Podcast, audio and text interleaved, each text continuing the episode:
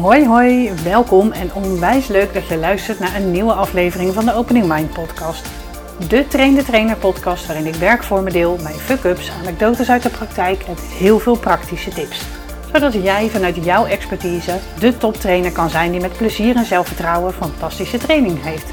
Waardoor je agenda vol loopt met trainingen en je deelnemers continu terugkomen voor meer van jou. Want hoe pas je al die leertheorieën nou toe? Of wanneer juist niet? Welke werkvorm zet je wanneer in? Hoe zet je deelnemers aan tot actie? En hoe verkoop ook jij je trainingen moeiteloos? Je hoort het hier. Veel plezier! Vandaag spreek ik Laura van den Oude, mijn opleider tijdens opleidingskunde. En ik heb haar heel hoog zitten. Ze heeft ontzettend veel kennis, kan heel veel delen. Ze doet ook een prachtige wereldreis, maar daar gaat ze ongetwijfeld alles zelf over te vertellen. Deze aflevering spreek ik haar over hoe zorg je er nou voor dat een training beklijft. Laura, welkom. Superleuk dat je er bent. Ik heb net heel kort iets verteld over waar ik jou van ken. Kan jij iets vertellen over nou, wie je bent en waar andere mensen jou van kunnen kennen? Ja, zeker. Nou, en dankjewel voor de uitnodiging voor de podcast. Heel leuk om uh, samen te gaan praten over ons trainersvak, want wij zijn allebei trainers. Um, ik ben eigenaar van het trainingsbureau Expert Trainers. En mijn werk bestaat uit train de trainer voor mensen die hun hele beroep trainer is. Maar ik geef ook training aan mensen voor wie het een deel van hun beroep is. Bijvoorbeeld verpleegkundigen die er af en toe workshops bij geven. Uh, dus die mensen kom ik ook tegen. Dat is de ene helft van mijn werk. En mijn andere helft van mijn werk is uh, opleidingskunde. Dus mensen die meer achter de schermen sessies ontwerpen, die bezig zijn met leerklimaat bevorderen in hun eigen organisatie. En dat doe ik nu al 25 jaar. En uh, oh. zoals je al zei, uh, we zijn uh, op pad gegaan met onze zeilboot 2,5 jaar geleden. Dus wij werken nu samen vanuit jij in Nederland en ik vanuit Italië. Want wij liggen hier in de haven bij Napels. En, nou, waar leven heb jij? ja. ja, dit is mijn kantoor inderdaad. Dat is wel ja. heel, heel leuk. En um, ja, ik, uh, het vak van leren en ontwikkelen, dat is voor mij een soort oneindige inspiratiebron. Dus um, toen jij mij vroeg voor de podcast om ons samen te verdiepen in een bepaald onderwerp, ja, dat vind ik heerlijk. Dus ik heb uh, leuke voorbeelden verzameld, praktische tips en ik, uh, ik hoop dat we een leuk gesprek gaan hebben. Oh, nou tof, dat klinkt helemaal goed. Ik word er nu al helemaal enthousiast van wat ik allemaal ga horen. Oké, zou jij eens willen beginnen met, stel je gaat dus een uh, training ontwerpen voor wat voor doelgroep dan ook, dan ook. Hoe zorg je er nou voor dat dat, hoe ontwerp je nou een training die beklijft? Ja, vind ik al meteen een hele mooie vraag, want eh, dat is uiteindelijk waar we het natuurlijk voor doen. Hè? Uh, een ontwerp is nodig om ervoor te zorgen dat je heel doelgericht richting een gedragsverandering gaat. Ja, en voor mij is alles voorbereiding. Dus dat betekent, het liefst heb ik eigenlijk dat iemand die een verzoek heeft voor een training, een paar maanden eerder dan de start van de training bij mij aanklopt. Um, want ik wil het hele systeem in kaart brengen. Dus daarmee bedoel ik, ik wil graag de opdrachtgever spreken. Dat is vaak de manager van een team. Wat hij of zij voor uh, wensen heeft, maar ook een aantal deelnemers. Um, ik wil ook weten, wat is er al gedaan? Dat vind ik een vraag die heel weinig door trainers wordt gesteld. Hè? Mensen zeggen, oh, ik heb meteen al een idee over leuke werkvormen of theorieën die we kunnen gebruiken. En dan ga ik bijvoorbeeld beginnen over leiderschap en zeggen ze, oh ja, maar dat model hebben we al een paar jaar geleden gedaan, slaat niet aan. Dus voorbereiding is voor mij key, want dat is de hele reden waarom je gaat ontwerpen. Je wil eigenlijk gewoon gestructureerd, stap voor stap, een doel bereiken. En ik heb eerst gewoon heel veel tijd nodig om te onderzoeken wat mensen eigenlijk willen. En via welke vormen, wat moet ik vooral niet doen. Uh, dus voor mij is de voorbereiding cruciaal. Mooi, want als ik het even samenvat, hè, je zegt dus, nou, ik spreek altijd opdrachtgever, het liefst een aantal deelnemers. Uh, en ik vraag dus ook wat wordt er al gedaan of wat is er al gedaan en wat heb je, heeft de organisatie of de deelnemers daar vervolgens al mee gedaan. Wat ik ook wel tof vind, ik hoorde ook gelijk aan, als je dus wil dat iets beklijft, zal jij als trainer, je kunt eigenlijk in het voorstuk dus al heel veel doen. Door dus zo'n ja. analyse te maken, door dit soort dingen bespreekbaar te maken. Ja, ja en um, sommige mensen die hebben wat moeite met uh, de ontwerpfase. Want die zeggen, ja, we timmeren alles dicht. Hè, en je hebt dan uh, per kwartier heb je een oefening of iets bedacht. Ik zie het meer als, ik ben een soort regisseur die een groep mensen begeleidt. En als je geen plan hebt, ja, dan kan je overal uitkomen waar mensen maar zichzelf heen sturen. Dus uh, ik heb inderdaad een heel strak plan maar op het moment dat we gaan beginnen, is dat voor mij de leidraad zoals we ja. te werk gaan. En er zitten bouwblokken in waarvan ik weet, als we die doen, dan gaan we weer een stapje verder. Maar ik maak ook een plan, zodat ik weet op welke momenten ik ervan kan afwijken. want als je geen plan hebt, dan is alles oké. Okay. Ja. Ehm, dus ik maak hem ook bewust uh, dat ik ook kan improviseren, want daar is ook in je plan ruimte voor ingebouwd. Ja, dat is een hele mooie. Ik vind het een hele goede. Je zet eigenlijk een kader, zodat, je, zodat dat de vrijheid geeft om dus wel ervan af te wijken. Ja, absoluut. Dat vind ik heel tof. Ja. Hey, en um, als, je, als je dan ook bijvoorbeeld kijkt, je zei dat plan, moet ik dan denken aan leerdoelen, een draaiboek, wat moet ik dan voor me zien?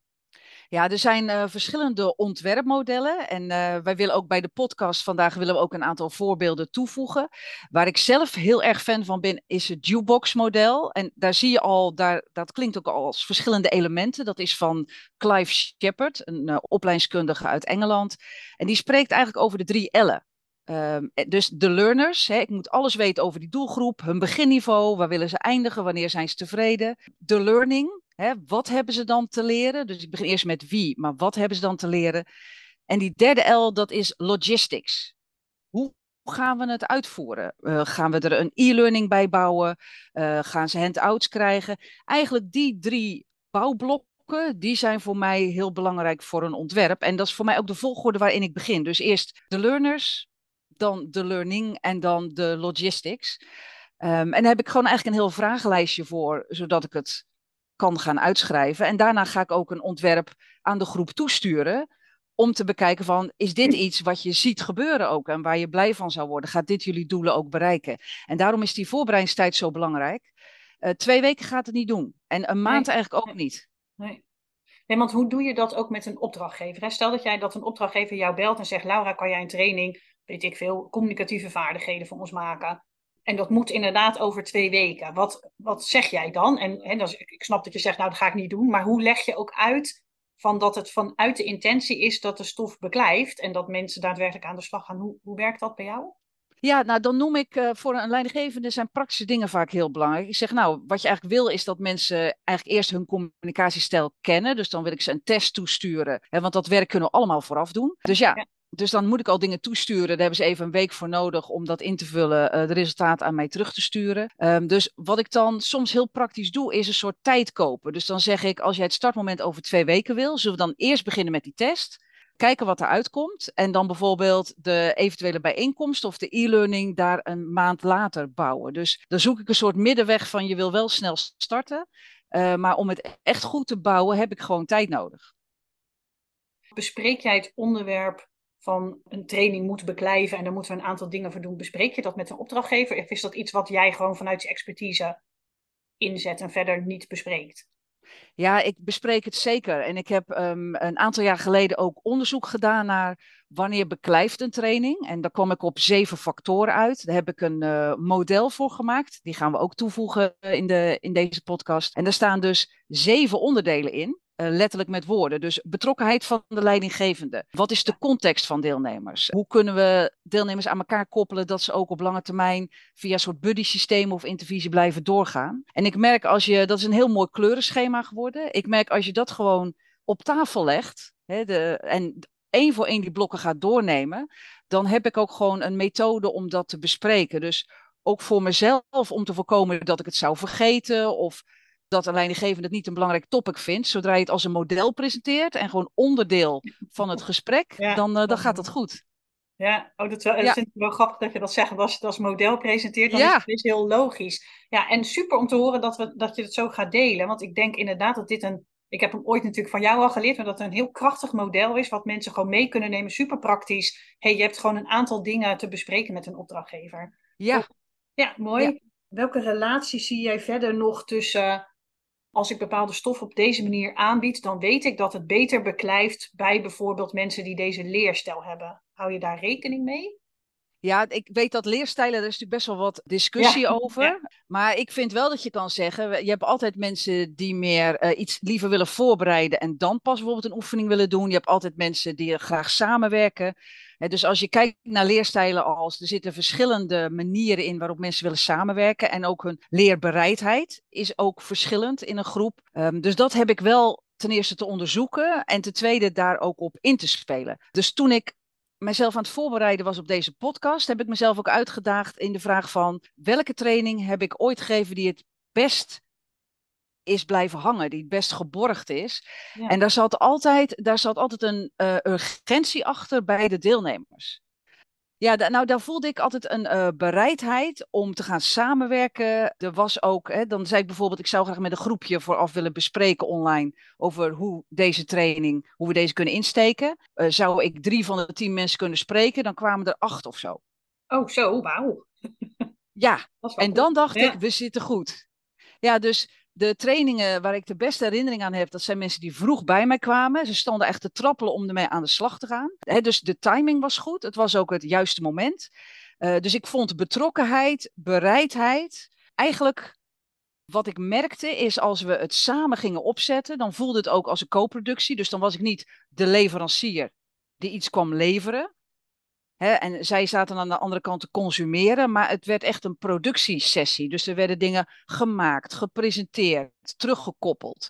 Uh, er zat een hele duidelijke voor, tijdens en na in. Dus we hadden ook, een maand later hadden we nog een sessie waarin ze dingen gingen presenteren wat ze nu echt hadden bereikt. Dus die urgentie, noem ik dat maar even, als die er niet zit, dus dan wordt het een soort kabbel-kabbel training waar iedereen netjes alles afwerkt. Ja, dat, dat zijn voor mij niet de beste training. En ik merk dat eigenlijk al meteen aan het begin, als ik vraag om mag ik wat mensen spreken. Ja, ja dat is voor jou eigenlijk een soort, soort no-go, no-go. Als, een, als een, een opdrachtgever zegt, hey, dat lijkt me niet nodig, dan, uh, dan is dan wat, wat doe je dan? Ja, nou dan zeg ik dat dit voor mij best al een rode vlag is. Uh, ik zeg, want nu ga ik alleen op uw informatie af. Hè? Dat is eigenlijk, ja, één bron vind ik geen bron. Dus ik heb grote kans als ik die deelnemers uh, niet te spreken krijg, dat ik iets ga optuigen waarvan ze zeggen, hebben we al gehad, uh, kunnen we al. Dus inderdaad, de trainingen waar ik minder goede herinnering aan heb, daar is het allemaal precies het omgekeerde. Ik heb geen mensen kunnen spreken, er moest snel gestart worden. Ik merkte weinig klik aan de andere kant van urgentie. Hè? Dus ik heb ook wel eens gevraagd aan opdrachtgever, stel, we gaan de training gewoon niet doen. Ja. Wat, wat gaat er dan mis? Heel vaak, ja, ja. Ja, wat gaat er dan mis? En als ik dan niet een soort zenuwachtigheid of paniek zie aan de andere kant, dan is het een nice to have. Dan is het geen need to have. Ja, ik vind ook wel, als ik, als ik even eh, wat, wat je een soort probeer samen te vatten wat je net vertelde. Jij zei ook letterlijk, ja, als ik, ik wil een co-creatie. En je, ik merkte al hoe je het over vertelt, ontstond al energie. Dat ik dacht, oh leuk, oh, daar zou ik zelf ook heel graag als deelnemer aan mee willen werken.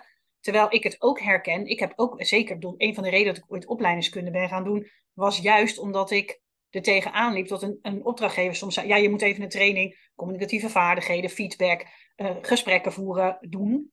En dan bereidde ik hem voor en dan kwam ik binnen en dan hadden die mensen zoiets: Ja, weet je, wie ben jij? Nou, doe even je ding. Ik zit ondertussen wat op mijn telefoon. Ja. En, uh, ik, hou, ik heb zin in de kroketten straks. En uh, als ik om half vijf naar huis mag, ben ik heel blij. Geef ik je een acht.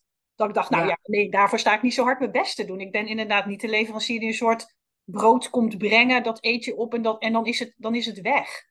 Ja. dat co-creatie, hoe jij dat aanpakt. En dat klinkt ook heel erg dat je als deelnemer. Dus er begint voor de training, gaat, gaat er al iets beklijven, omdat mensen erover na moeten denken. Oh, stel bijvoorbeeld communicatieve vaardigheden. Wat wil ik daar nou in leren? En wat moet er in die training zitten? Ja. ja super tof. Ik kan me voorstellen dat dat heel veel extra effect oplevert.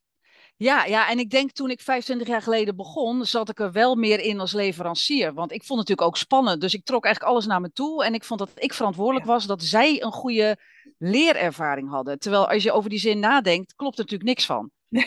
ik, ik ben niet... heel herkenbaar voor veel van mijn luisteraars. Hoor. Ja. Dat iedereen denkt van, ja, ik ben verantwoordelijk daarvoor. Ja. Ja, ja, en het moet ook allemaal nu gebeuren hè, in deze ene dag. Uh, dus als je kijkt hoe mijn eigen evolutie is geweest, ik ben het inderdaad veel meer een co-creatie laten zijn, maar ook veel meer uitsmeren. Dus ik had het net over dat transfermodel met die zeven onderdelen. Daar staat ook in, ja, ik zie dit eigenlijk als een soort sportschool. Ik wil een vooraf doen hè, en we gaan trainen. We gaan iedere keer letterlijk trainen in blokken van dagdelen en niet twee dagen achter elkaar op de hei zitten. Ik heb liever vier dagdelen verspreid over één of twee maanden. Dus uh, het is ook wel aan mij om te laten zien aan mijn opdrachtgever dat dit een vak is en dat er methodieken zijn om ervoor te zorgen dat ik als regisseur de groep het beste kan laten leren. Maar daarvoor is niet nodig dat ik een brood kom brengen, zoals jij zegt, en zij dat gewoon braaf opeten. Ja. Ja, ik vind je vergelijking met de sportschool ook wel. Ik, heb natuurlijk, ik ga ook naar de sportschool. Ik denk ook altijd, ik heb heel hard gewerkt. Ik ben vast heel strak en vol met spieren. Dat valt altijd weer een beetje tegen. Ja. Dus mooi dat je ook zegt van ik probeer altijd, of ik spreek al bij een opdrachtgever af. Het gaat in fases. Hoe doe je dat bijvoorbeeld met, ik weet, doe je open inschrijvingen? Volgens mij wel, want ik heb ook wel eens een open inschrijving bij jou gevolgd. Hoe doe je dat daar? Want ik loop er wel eens tegen aan dat bij open inschrijving mensen niet altijd bereid zijn om bijvoorbeeld een aantal ochtenden te zien. Dat ze liever een hele dag hebben qua focus. Hoe zie jij dat? Klopt, ja. Ik wil daar gewoon meteen heel uh, duidelijk over zijn dat uh, in company uh, trajecten wel hoger rendement geven. Want dan heb ik inderdaad het hele systeem in de zaal zitten. Dus ik heb ja. de opdrachtgever echt kunnen betrekken. Uh, ik heb uh, de collega's met wie uiteindelijk ook weer na de training verder gaat, die zitten ook bij jou in de zaal. Dus um, een open rooster zorgt ervoor dat jij jezelf even helemaal kan focussen en uh, ermee aan de slag kan gaan, maar dat is dus minder maatwerk. Wat ik dan wel doe, is mijn deelnemers helpen om hun omgeving tussen de bijeenkomsten door erbij te betrekken. En dag één van mijn sessie in het open rooster is ook, je moet voorbereiden samen met je leidinggevende wat je uit deze training wilt halen. Maar je voelt al, er zit continu een soort indirectheid in. Dus ik vraag het aan hun, maar dat systeem zit niet in mijn zaal. En dat vind ik uiteindelijk wel beter. Dus bij een open rooster moet je als deelnemer wat harder werken om je omgeving erbij te betrekken. Maar dat kan je dus wel inderdaad via slimme manieren inbouwen in je leertraject. Mooi, ja, ik hoorde jou inderdaad, want ik dacht ook gelijk, oh, hoe dan? Jij zei al eens, hè, dat ik met de deelnemer dus werk van hoe ga je je omgeving betrekken. Um, ik loop er ook wel eens tegen aan dat mensen terugkomen en dan zeggen: Ja, ik ging oefenen of ik ging het inzetten. En toen zei iemand: Oh, je hebt zeker een cursus gevolgd. Ja. Welke tips of adviezen heb jij voor een trainer? Hoe je dus bij open inschrijvingen mensen kan helpen om stof in te zetten, vaardigheden te oefenen en et cetera. Ja, het, um, het leuke is van, ik maak ook gewoon gebruik van die zin. Oh, je hebt een training gehad. Dus een van mijn opdrachten is dat zij een, een samenvatting van onze training met de lessons learned die ze hebben, moeten gaan presenteren als een trainer in hun team. Dus dan, dan eigenlijk zet je dan in de agenda van je team zet je uh, een half uurtje tijdens de bila, ik ga nu een presentatie geven. Uh, omdat ik dan eigenlijk als grapje gebruik maak van het feit, ik heb allemaal mini-trainers gecreëerd, die dus ja. op een trainingsmanier gaan teruggeven aan hun collega's wat ze hebben geleerd. En ze bereiden die ook met mij voor. He, dus daar oh. zitten ook leuke opdrachten in, uh, spannende oefeningen. Uh, zodat die mensen denken, oh, dit was eigenlijk wel heel leuk. En uh, nu weten we wat jij daar hebt gedaan al die dagen. En, ja. en dan hoop ik dat als je iemand dus iets teruggeeft, hè, want ja, je collega is gewoon ook een aantal dagen weg geweest van de werkvloer, dat ze zeggen van, oh, ik vind dit eigenlijk wel een hele leuke voor ons team. Kunnen we daar niet verder mee gaan doorwerken? Dus het is eigenlijk een soort verleidingstactiek om het in je team te laten landen en vanuit hun eigen motivatie denken, oh, vind ik eigenlijk wel leuk. En dan ontstaat er vanzelf een actie. Ja, ja, heel tof. Want je raakt eigenlijk een aantal dingen. Hè? Dus de deelnemer moet en nadenken, wat heb ik geleerd, hoe ga ik dat vertellen? Dus dat is altijd volgens mij heel goed. En je moet gelijk processen wat je ja. hebt geleerd. Dus dat doet A, iets met de beklijving. Dan moet je het met het team delen, waardoor je nou, eigenlijk medestanders creëert. Dit is wat ik heb geleerd, hoe is dat voor jullie? En je zorgt ervoor dat de collega's die hun collega hebben moeten missen, nou misschien ook wel getriggerd worden. Oh, dit is interessant. hey, ik heb hier ook nog wat aan. Ja, dus er zit heel veel in, weet je wel, ja. door, door het zelf te herhalen. Ik heb ook in 2020 de titel gekregen trainer van het jaar. Uh, en dat, dat was ook gebaseerd op boeken die ik had geschreven en artikelen. Ja. Maar ik denk dat dat een soort resultaat is van het feit dat ik de hele dag mijn eigen vak aan het uitleggen ben. Ja, ja, en, ja. ja. Ja, dus je wordt echt steeds beter uh, in je eigen vak als je het anderen vertelt. Dus als je jezelf ja. als soort mini-trainer gaat opstellen. Maar dat doe ik dus ook met opleidingsadviseurs, hè, die niet per se op die voorgrond trainingen willen geven. Maar uh, ga het maar eens uitleggen. Zoek maar eens de woorden waarvan jij denkt: hé, hey, ik zie het kwartje vallen. Of uh, ja, ik heb nu allerlei didactische termen geleerd. Maar voor mijn collega's veel interessanter als ik het ja, eigenlijk in gewone taal ga brengen. Nou, oefen dat dan in zo'n presentatie. Tof. Oh, heel goed. Dat is trouwens nog wel een goeie. Als je het hebt over trainingen die beklijven. Ik heb een periode voor een trainingsbureau gewerkt om gewoon eens te ervaren hoe is dat werken ja. voor een trainingsbureau. Dan kreeg ik echt letterlijk een plan, een draaiboek. Alles was een soort van uitgewerkt. En ik, natuurlijk had ik wel wat vrijheid, maar het was allemaal nou, vrij strak, snap ik. Hè? Want een, een deelnemer koopt een bepaalde training in en daar, daar staat natuurlijk bij, dit zijn de leerdoelen, dit kun je na deze training. Ja. ja. dus ik snap dat. En, maar het voelde soms voor mij ook minder effectief. Wat denk ik deels te maken heeft met hoe ver ik dan ben als trainer. Hè? Want ik moet, en ik moet met de woorden van een ander werken. Maar ik kwam ja. er ook op een gegeven moment achter dat dus de, de trainingen waren gemaakt door een opleidingskundige. En nou ben ik dat zelf natuurlijk ook, maar ik doe ook nog een trainer zelf. Dus ik weet ook wat het effect is van de dingen die je doet. Is dat iets wat jij herkent? Dat je dus als opleidingskundige een bepaalde gedachte hebt en dan vervolgens ga je als trainer ermee aan de slag. En dan komt het toch anders uit dan wat je bedoeld had.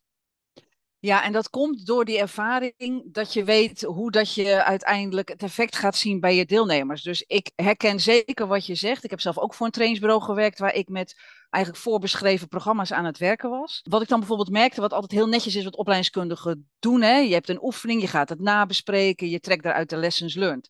Ja. Nabespreken eigenlijk zes keer op een dag voelt voor deelnemers, oh, dan gaan we weer. Ga, hebben we net een leuke oefening gedaan, gaan we nou. het weer nabespreken. Precies, ja, dit, dit, is inderdaad precies wat ik bedoel. Denk, oh, ik ben weer op dezelfde manier. Zij hebben iets gedaan en we gaan het of plenair of in koppels, dat ik dacht alweer. Ja. Ja, nou, dit ja dus ik heb ook eh, gezegd van uh, de één oefening ga ik zelf veranderen. Dus ik heb wel het leerdoel in gedachten. Ze gaan dus, ze moesten een gesprek met elkaar oefenen heb ik ervan gemaakt, dat doen we dan een keer in duo's en niet in groepjes van vier. Hè, want het was heel vaak groepjes van vier, omdat het een vrij grote groep was. In duo's. En dat gaan we gewoon niet nabespreken. Dat is gewoon het intieme moment tussen twee mensen, waarin ze ook uh, oprechte feedback aan elkaar kunnen delen. Want ik ga er nooit meer naar vragen want als je namelijk eh, feedback moet delen en er wordt gezegd, wat heb je teruggekregen van de ander, hou je het soms ook wel heel netjes. Of, want je weet dat kan weer plenair worden besproken. Dus denk, laat die mensen een uh, intiem momentje samen hebben, in het moment zelf leren en deze bespreken gewoon niet na. En ik zag daar zo'n opluchting bij deelnemers, dat ze denken, ja, want nu wil ik, ik wil eigenlijk echt oefenen, echte feedback krijgen en niet weer plenair na hoeven te bespreken. Maar ik wil dus wel het leerdoel in gedachten houden. Ja, mooi. Ik vind het wel een uh, toffe aanvulling. Ik ga meenemen. Dus uh, sowieso leuk. Ik, ik ben, on, ondanks dat ik door jou ben opgeleid, dat ik ook weer nieuwe dingen hoor. Van, oh ja, dat kan ik ook wel. Nee, super tof. Ik heb nog een vraag. Hoe doe je het, het beklijven van iets wanneer het zo'n eigenlijk een minder praktisch onderwerp is? Dus als je het bijvoorbeeld hebt over communiceren. Ik heb wel eens een heel communicatiemodel uitgelegd. Ik heb het voorgedaan. Ik heb mensen laten oefenen. Ik had checklist gemaakt. En na drie weken kwamen mensen terug en toen zeiden ze, ja, ik heb het eigenlijk niet meer gebruikt, want ja, ik moet aan zoveel dingen dan tegelijkertijd denken. Hoe had ik dat anders aan kunnen pakken? Ja, ja, dat herken ik ook hoor. Dan is het onderwerp net te groot of te abstract. Ja. Ehm, dus um, een van de blokken die ik ook in dat transfermodel heb ingebouwd is uh, context. Dus hoe echter het onderwerp lijkt op jouw werk wat je morgen te doen hebt, hoe eerder dat je aangaat ook in die training. Dus ik denk, hè, dat herken ik ook wel bij mijzelf. Eerst moet die urgentie worden aangewakkerd. Dus in de voorbespreking met mijn opdrachtgever wordt dan ook gezegd: ja, ze moeten beter leren communiceren. Nou, dat is al heel abstract. Ja, ze, ja. En ehm, dan zeg ik, kunnen we casussen meenemen? Nou, als het, ja, tuurlijk, tuurlijk. Dat is juist heel fijn. En dan ga ik stap voor stap het echter maken. Oké, die casus zijn dan met cliënten van jullie in de zorginstelling. Ja, klopt zou ik die bijvoorbeeld kunnen spreken, die cliënten, hoe ze de communicatie ervaren? Nou, dat wordt al wel spannender. En mijn meest spannende vraag is, ik wil echt zo'n cliënt in de training hebben. Hè, dus we gaan die training bijvoorbeeld dinsdagmiddag doen. En dan wil ik om half vier dat die cliënt binnen mag komen en dat we met de cliënt kunnen oefenen of dat hij zijn of haar ervaring vertelt. Kijk, en dan wordt het echt, want de hele groep weet om half vier komen er een paar echte cliënten binnen. En we hebben nu net een model geoefend en dan gaan we dat op uittesten. En die gaan heel authentiek reageren. Ja, oh, dat is ehm, tof. Dus... Ja, vind ik eigenlijk ook nog, het, is nog, het triggert ook wel iets ten opzichte van werken met acteurs, waar ik overigens ook wel, ja. wat ik best prettig vind. Maar daadwerkelijk een echte cliënt neerzetten, dat is natuurlijk wel, dat is wel tof. Ja. Ja, ja, dus er zit een soort uh, gelaagdheid in. Hoe dicht komt het op de huid? En dan is bij mij eigenlijk een soort ja, drie- of vier trapsraket. Casus wordt meestal oké gevonden.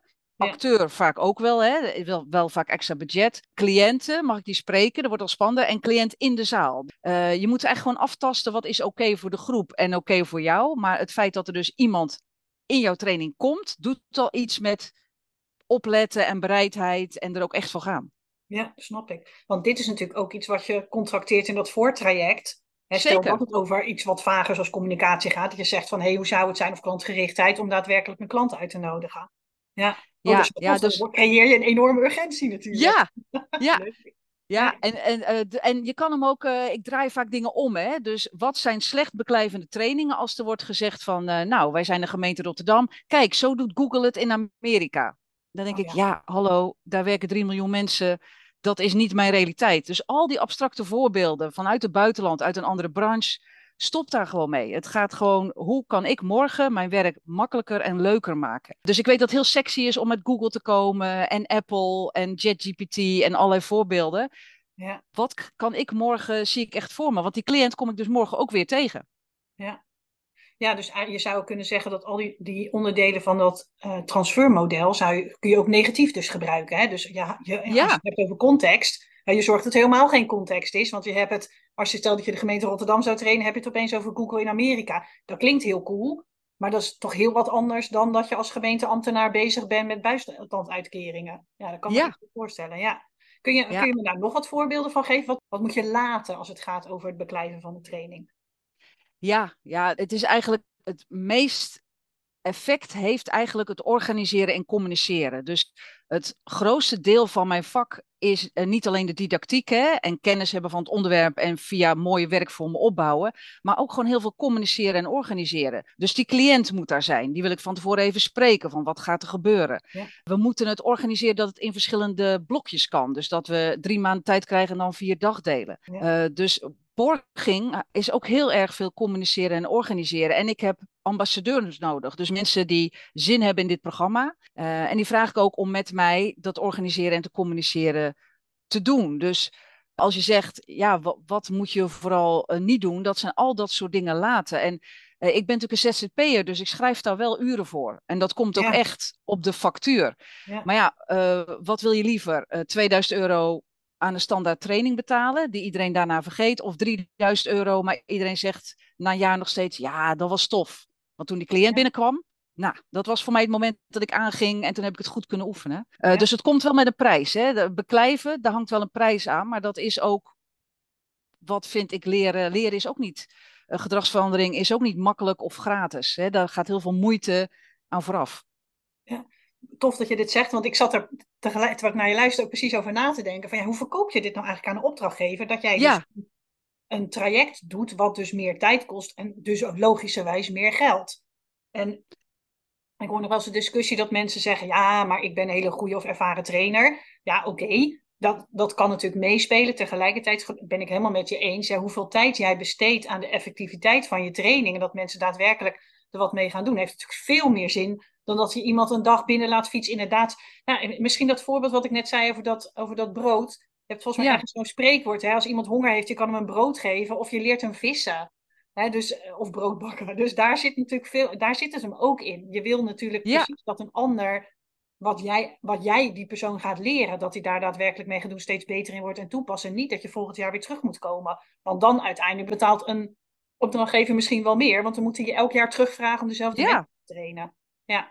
Ja, en eh, jouw vraag van hè, hoe kan je dat aan een opdrachtgever goed overbrengen? Ik vind dat ook onderdeel van een traject. Want eh, Ja. een opdrachtgever, dat is vaak een manager, die is helemaal niet geschoold in eh, didactiek en leren en ontwikkelen. Die denkt, dit moet gewoon geregeld worden, hè, dat we een beter resultaat hebben. En zijn of haar ervaring is gewoon jarenlang op school zitten. Ja, toen hadden we de tijd, maar niet de context die we nu hebben. Nee. Dus als je mijn meest extreme voorbeeld wil horen, ik heb Nou, ooit een keer. leuk. Ja, en dat is zeker voor de luisteraars. eh, ik weet niet of dat je dit per se moet doen, maar misschien een milde versie. Want hij is wel heel spannend. Ik had eh, een verzekeringsmaatschappij en daar werkten heel veel trainers en we zouden een trainer-trainer gaan doen. Dus ik heb mijn transfermodel met de zeven vakken neergelegd. En ook uitgelegd dat als we gewoon een standaard training doen, dan beklijft 20%. Want dan ga ik lekker hard werken als trainer. eh, en we hebben goede handouts en goede modellen. Nou, als ik je over een half jaar spreek, 20% is wel hè, geborgd. Maar we willen natuurlijk naar 80%. Dan moeten we die zeven dingen gaan doen. En ik begon bij gewoon nummer één, hè, coaching van jou als leidinggevende. Heb ik geen tijd voor. Oh, Oké, ja. eh, is er iets van wat we kunnen doen dan bij de deelnemers aan buddy-systemen of intervisie? Hebben ze geen tijd voor. Toen dacht ik, ik pak even een dikke zwarte stift. Dus ik heb die twee factoren weggestreept. Ik zei, nou, ik begon met, ik wil 80% rendement. We zitten nu op 60. We gaan naar het volgende blokje. Context. Mag ik met echte deelnemers uit jullie trainingen contact hebben? Ze in de training? Nee, geen tijd voor. 40. Ja. Nou, hij werd steeds zagrijniger, Ja. snap ik. ik. Ik ook. ja. Ja. Ja. want ik kan me Eh, voorstellen, het doet ook wel wat met jouw zin in zo'n training. Tuurlijk. Ja. Ja. Eh, dus uiteindelijk niks kon. En eh, hij zegt, nou weet je, dan, dan betaal ik dus 5000 euro, want het had wel een meerdaags traject moeten worden. En dan krijg ik dus 20%. Ik zeg, ja, dan krijg je dus, ik kan beloven, 1000 euro rendement. Tenzij we die blokken gaan inbouwen. Dus toen begon ik vanaf nul weer op te bouwen. Wat zou nou een snelle, goedkope manier zijn? Kost niet te veel tijd waarop de deelnemers toch kunnen oefenen, met elkaar kunnen meekijken. En langzaam hebben we drie of vier van die zeven blokken wel via een soort laaghangend fruit kunnen Oh, invullen. En toen werd het ineens een leuk gesprek. En oh, maar eh, dan kan dit ook. en dan kan, ik zeg, en dan kan ook filmpjes maken. Ze kunnen ook zelf filmpjes maken dat ze van elkaar kunnen bekijken, want die training wordt toch al gegeven. Hè, zet een videocamera achterin. Dus op die manier werd het wel leuk. Ehm, dus ja, als je bereid bent door even zo'n zagrijnig dal te gaan. Ja. ja. Uh, dus ik dacht, dit voorbeeld kun jij ook zelf gebruiken als uh, trainer of als opleidingsadviseur. Ja. Want je wil mensen gewoon laten zien, het is een vak. En dat kost tijd. Gedragsverandering is niet gratis of moeiteloos. Ja, ik vind hem heel mooi. Want ik heb zelf nog wel eens de neiging, ik zet het soms wat vrij directief neer. Dan zeg ik, nou, je kan kiezen ik kom binnen fietsen, geef deel wat broden uit, laat iedereen die naar binnen werken en ik vertrek weer. En we hebben in ieder geval een leuke dag gehad, want daar zorg ik sowieso voor. Of we gaan een heel traject ervan maken, wat inderdaad beklijft, wat veel meer effect heeft, wat deelnemers fantastisch vinden, dat het als een olievlek in je organisatie wil. Dus ik maak er een beetje een soort keuze van. Maar, ik, maar op deze manier, ik vind het vooral het hilarisch dat je gewoon een aantal blokken weg ging ja. Soms doe ik wel zo'n offerte en dan zegt iemand, nou, ik vind dat er best wel veel geld. Dat kan natuurlijk. En dan willen ze onderhandelen over mijn prijzen. Dat doe ik niet, want ja, ik, ik, mag, ik krijg ook nooit mijn brood goedkoper bij de bakker. Dus waarom zou... Hè, ik ben iets waard en de, mijn prijs is terecht. Um, dus ik vraag altijd, wat moet er dan vanaf? Ja. Dus, en dat jij het letterlijk zo afstreept, vind ik een heel mooi voorbeeld. Dus die, die ga ik zeker zo uh, inzetten. Heel tof.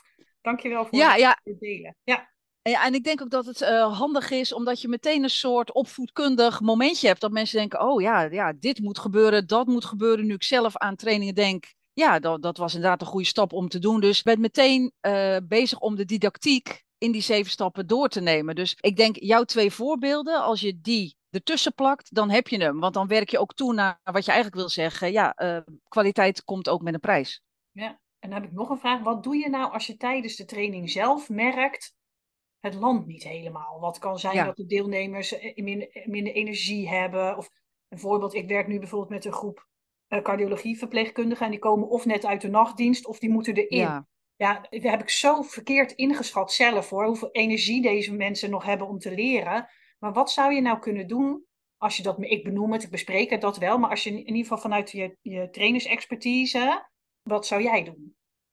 Ja, en deze herken ik ook hoor. Want ik werk ook heel veel in de zorg. En ja, daar staat alles zo onder druk. Dus die komen echt binnen rennen uh, vier ja. uur. Hè, want dat moest allemaal aan het eind van de dag. Ja, ik doe wel altijd een uitgebreide incheck. Dus ik gun mezelf dat als ik een uh, twee uur durende training doe, dat 10% daarvan echt inchecken mag zijn. Um, en daar maak ik ook echt iets leuks van. Uh, dus ik leg bijvoorbeeld enveloppen neer, gekleurde enveloppen die ze openmaken. Ik wil dat ze even weggaan van de oude energie en in iets nieuws stappen. Dus een, een goede incheck is belangrijk. En ik merk ook dat, stel ik heb twee uur, dan moet eigenlijk mijn leukste, beste oefening moet richting het einde zitten. Oh ja. En um, ik merk heel vaak dat trainers om gunning te krijgen. Um, aan het begin eigenlijk het leukste onderwerp stoppen met de leukste oefening. Maar als je goede incheck doet, heb je dat niet nodig. Dan begin je gewoon relaxed en leuk en dan geleiden mensen vanzelf die training in. Je hebt hem eigenlijk nodig in de tweede helft van je training. Dan gaat die energie pas echt tellen. Ja. Uh, dus daar doe ik eigenlijk mijn belangrijkste onderwerp en ook mijn leukste werkvorm. Dus ja, ja dat zijn zo twee dingen die me die minuten binnenschiet. Het is heel erg energiemanagement en kun je dat inbouwen in je ontwerp. Ja, mooi. Ja, die incheck, dat doe ik inderdaad ook altijd met mensen. Wat jij zegt over, je doet je soort van je leukste werk van aan het einde. Vaak zijn er een aantal dingen hè, waarvan ik vind dat mensen die moeten leren. Ja. Gewoon vanuit een theoretische achtergrond of wat dan ook.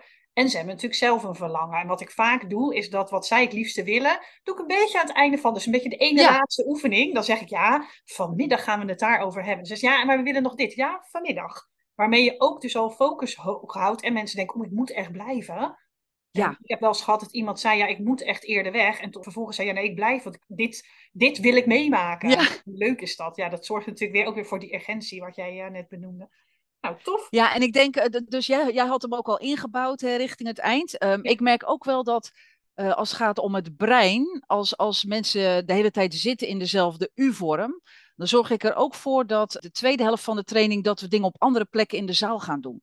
He, dus ja. ik neem ze bijvoorbeeld uh, mee naar de achterkant van de zaal om daar een oefening te doen. Dus ik ben continu aan het slepen met uh, flip over en met quizjes. Herkenbaar, om, ja. Ja, want dat doet ook wel iets met de, de energie. Als je de hele tijd in dezelfde houding zit, dan wordt alles ook gewoon één grijze dag. Ja, ja, tof. Ja, dus leuk. Ik, ga nog, ik ben nog een podcast aan het opnemen over wat doe je nou met de ruimte. Het is iets heel ja. simpels. Het is iets heel basic, maar het heeft zoveel invloed op je training. Dus dit is een leuk voorbeeld, die, die zal ik toevoegen. Ik had ja. nog een andere vraag. hoe meet je nou de effectiviteit van je training en of die beklijft is? Je kan het gevoel hebben of deelnemers zeggen ik doe er wat mee, maar in hoeverre gebruik jij een soort meetinstrument om dat te meten? Ja, wat voor mij belangrijk is, is dat ik het aan de hand doe van de eigen doelen die mensen stellen. Dus die moeten we van tevoren al heel concreet hebben. Hè? Dus eh, communiceren, uh, ik wil beter leren communiceren. Nee, dat is over een half jaar. Uh, zijn eigenlijk het aantal klachten over hoe wij in het callcenter omgaan met hè, gesprekken verminderd of zo voor de helft. Ja, dus dat moet echt, er moet een getal in staan, het moet iets meetbaar zijn. En dat wil ik ook doen bij de opdrachtgever. En kijk, uh, ik vind ook dat ik het bij hunzelf mag laten wanneer ze tevreden zijn. Dus uh, een meetbaar onderdeel is ook dat de opdrachtgever zegt: Ja, ik wil eigenlijk over een half jaar, als ik dan hun trainingsprogramma zie, dat er meer interactie in zit. Ik zei, nou, dan moet ik dus eigenlijk een trainingsprogramma van nu hebben. En dan is het aan jullie om in je agenda te zetten over een half jaar. Ik pak een ander trainingsprogramma erbij en ik ga gewoon tellen hoeveel interactiemomenten zitten erin. Uh, dus leerdoelen zijn voor mij ook bedoeld om later te kunnen meten. Maar ik vind wel dat die verantwoordelijkheid ligt bij de opdrachtgever en de deelnemers zelf. Ja, zeker. Jij, jij stelt je eigen lat, uh, ja. maar er moet dus een getal in zitten en een tijdsperiode. Ja, mooi. Nou, lekker concreet advies, daar hou ik van. Nog twee dingen. De ene laatste vraag. Wat is jouw beste advies voor een trainer die een training wil ontwerpen die goed beklijft? Ik heb je nu al horen zeggen, het zit hem heel in de voorbereiding. Gebruik het transfermodel van jou. Nog meer adviezen? Of zijn dit al de grootste... Nou, makkelijk, nou, ik heb... nou niet makkelijkst, maar...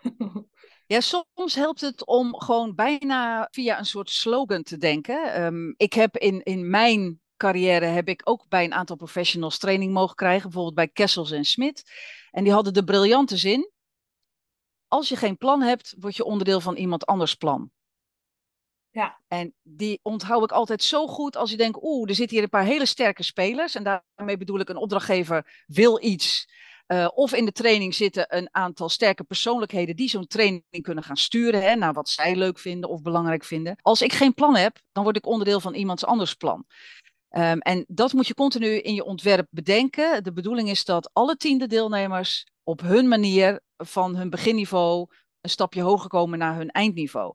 En daar moet ik een plan voor hebben. Dus mensen moeten individuele opdrachten doen. Ze moeten presenteren. Ze moeten weten na afloop met wie ze kunnen samenwerken. Als ik dat niet heb, dan uh, kan het gebeuren dat een nou, hele sterke persoonlijkheid in training zegt: Ja, ik vind een rolspel moeten we echt niet doen. Ik vind het leuker als we nu uh, dit of dit kunnen doen. Oh, ja.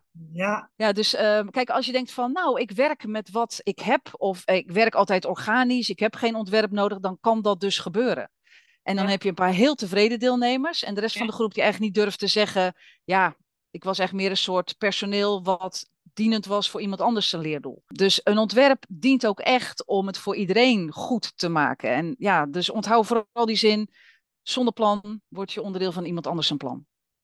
Ook oh, vind hem prachtig. Hier kan ik, ik kan hier zo nog een hele podcast over zetten. Ook ik, toen, ja. ik, toen ik startte, ik had ook de neiging, er zat er een dominant iemand in, in mijn training. Zei, ja, ik wil eigenlijk wel dit doen. En dacht ik, ja, ik wil werken met wat er is. Nou, daar ging ik, weet je. Totaal ja. van het platje af.